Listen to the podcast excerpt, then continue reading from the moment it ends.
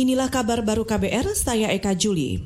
Saudara pemerintah Provinsi Sulawesi Selatan memastikan akan memprioritaskan pencarian warga yang masih hilang akibat banjir bandang di Kabupaten Luwu Utara. Hingga kemarin masih ada laporan 66 orang hilang akibat banjir bandang. Gubernur Sulawesi Selatan Nurdin Abdullah mengatakan, selain mencari korban hilang, pemerintah daerah juga akan memastikan ketersediaan logistik bagi para pengungsi. Langkah awal kita adalah mencari keluarga yang belum ditemukan. Ya itu dulu, ya. Makanya tadi Basarnas juga. Nah, yang kedua, tentu pastikan bahwa logistik tersedia. Kedua, air bersih.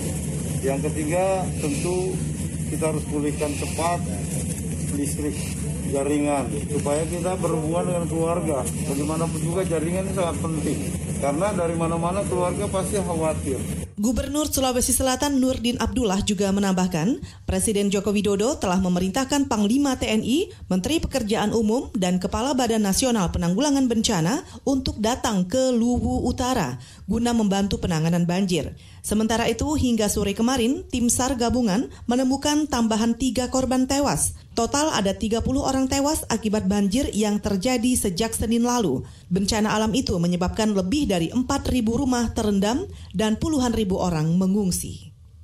Markas Besar Kepolisian membentuk tim khusus untuk mengusut perkara pembuatan surat jalan bagi buronan kasus dugaan korupsi pengalihan hak tagih Bank Bali Joko Chandra. Kepala Badan Reserse Kriminal Polri, Listio Sigit Prabowo mengatakan, Tim itu terdiri dari bagian tindak pidana umum, pidana korupsi, dan siber. Tim akan mengumpulkan fakta-fakta hukum untuk selanjutnya dibawa ke ranah pidana. Jadi saya sudah membentuk tim khusus terdiri dari Direktorat Tindak Pidana Umum, Direktorat Tipikor, Direktorat Cyber, dan kita minta untuk didampingi Propam untuk memproses tindak pidana yang tentunya nanti akan kita dapatkan. Mulai dari masalah pemalsuan surat, penggunaan surat, penyalahgunaan wewenang, termasuk juga tentunya di dalamnya kalau ada aliran dana, baik yang terjadi di institusi Polri maupun yang terjadi di tempat lain. Apabila memang ini di dalam penelusuran nanti ada pihak-pihak yang kita dapati terkait dengan masalah-masalah tersebut.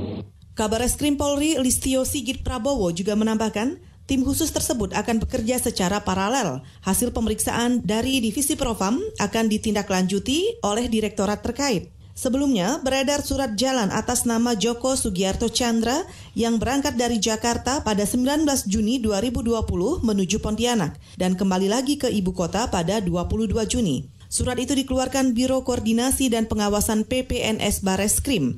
Namun Polri menganggap surat itu dibuat tanpa izin pimpinan.